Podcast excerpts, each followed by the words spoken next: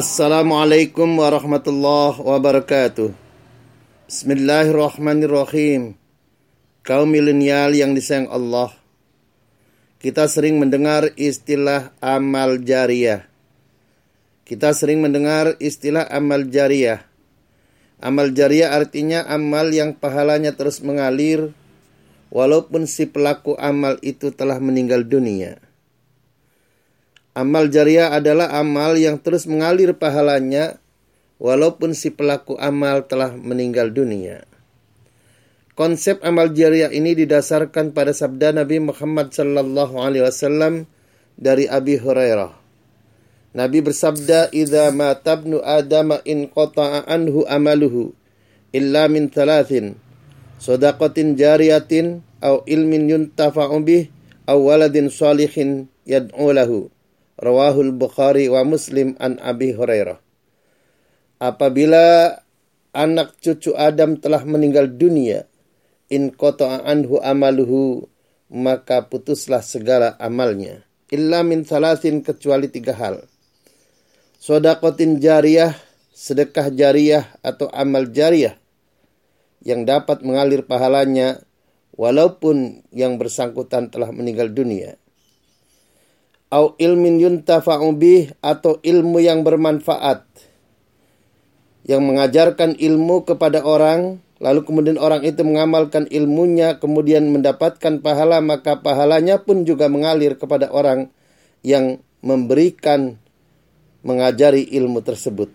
Awaladin solihin yad'ulahu atau anak yang mendoakan orang tuanya anak yang memohonkan ampun kepada orang tuanya atau anak yang mendoakan kepada orang tuanya ini semua ini termasuk kualifikasi amal jariah yaitu amal yang mengalir pahalanya kepada yang bersangkutan walaupun si pelaku tersebut telah meninggal dunia.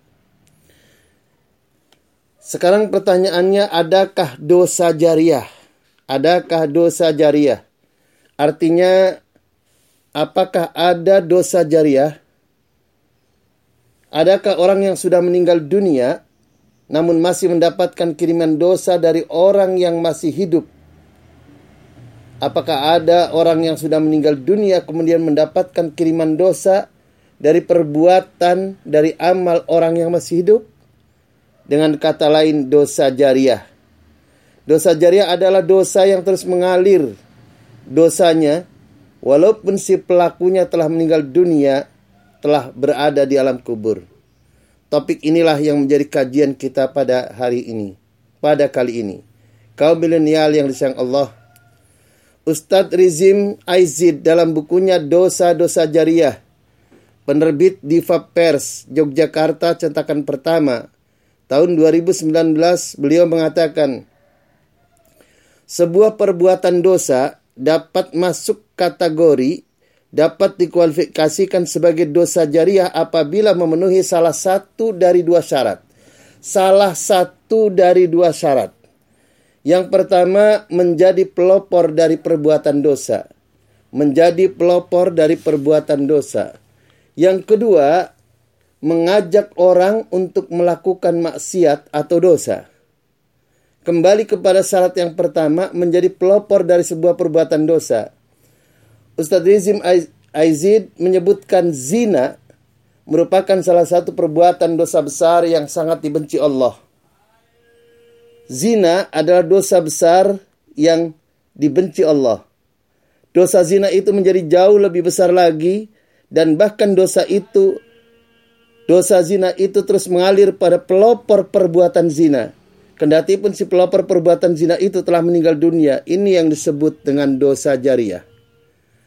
Dosa jariah adalah dosa yang terus mengalir dosanya kepada pelaku. Kendati pun si pelaku itu telah meninggal dunia. Seperti telah dijelaskan di atas bahwa dosa akan menjadi dosa jariah apabila mengandung dua syarat dan salah satu syarat saja sudah cukup. Yang pertama mengajak dan mempelopori perbuatan dosa. Praktek-praktek yang termasuk mempelopori perbuatan dosa perzinaan adalah menyelenggarakan tempat pelacuran, atau membuka praktek bisnis esek-esek baik di dunia nyata maupun melalui dunia media sosial. termasuk mempelopori dan mengajak orang lain berbuat zina yaitu orang yang berzina di depan umum orang yang berzina di depan orang lain sehingga memberikan contoh dan teladan berzina termasuk juga orang yang mengajari orang lain menjadi pelacur baik pelacur laki-laki maupun pelacur laki-laki yaitu gigolo dan pelacur perempuan PSK Syekh Abdullah bin Alwi Al-Haddad dalam kitabnya Risalatul Muawanah Beliau mengutip sabda Nabi Muhammad sallallahu alaihi wasallam, "Man da'a ila huda kana lahu minal ajri mithlu ujuri man tabi'ahu la yankus dzalika min ujurihim syai'a." Barang siapa yang mengajak kepada kebenaran, barang siapa yang mengajak kepada petunjuk, barang siapa yang mengajak kepada kebaikan, maka ia akan memperoleh pahala seperti orang yang mengerjakannya, tidak berkurang sedikit pun bagi orang yang mengerjakannya itu. Namun sebaliknya waman da'a ila dolalah. Waman da'a ila dolalah ay maknahu waman da'a ilal maksiyah. Kana alaihi minal ithmi mithlu athamihim syai'a. Barang siapa yang mengajak kepada kesesatan, barang siapa yang mengajak kepada kesyirikan, barang siapa yang mengajak kepada kemaksiatan, perbuatan-perbuatan dosa, kana alaihi maka bagi orang yang mengajak kepada kesesatan dan perbuatan dosa itu minal ithmi mithlu athamihim syai'a sama dosanya seperti orang yang mengerjakan dosa itu tidak kurang sedikit pun. Hadis riwayat Ahmad, riwayat Muslim, riwayat Abu Dawud, riwayat Tirmidzi, riwayat Nasai dan riwayat Ibnu Ibnu Majah dari sahabat Abi Hurairah. Hadirin kaum yang disayang Allah.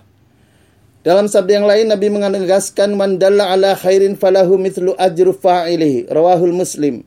Barang siapa yang menunjukkan jalan kepada kebaikan, maka baginya pahala sama seperti orang yang mengajarkan kebaikan itu. Begitu sebaliknya, wa man da'a ila dhalalah, fa inna alaihi minal ithmi mithlu athami man tabi'ahu. Barang siapa yang mengerjakan kesesatan, barang siapa yang mengerjakan kemaksiatan, menunjukkan jalan kemaksiatan, menunjukkan jalan kepada kesesatan, fa inna alaihi maka sungguh bagi orang yang menunjukkan kesesatan, yang menunjukkan kemaksiatan, minal ithmi mithlu athamihim mim tabi'ahu sama seperti orang yang mengerjakan perbuatan dosa tadi. Kaum muslimin, hadani Allahu alaikum. Karena itu mari kita renungkan diri kita masing-masing. Pernahkah diri kita mengajari orang berbuat curang? Pernahkah diri kita mengajak-ngajak orang untuk berbuat zina? Pernahkah diri kita di kantor memberikan contoh perbuatan curang, pat gulipat? yang kemudian diikuti oleh junior-junior kita. Jika pernah, maka jangan-jangan itu adalah merupakan perbuatan dosa jariah. Karena itu mari kita segera bertobat dan jangan mengulangi lagi perbuatan dosa yang dapat dikualifikasikan sebagai dosa jariah. Semoga Allah menolong kita untuk menghentikan perbuatan-perbuatan dosa tadi. Nasrul minallah wa fatun qarib. Nasrul minallah wa fatun qarib. Nasr minallah batun qarib. Wallahul muwafiq liqmat tariq. Wassalamualaikum warahmatullahi wabarakatuh.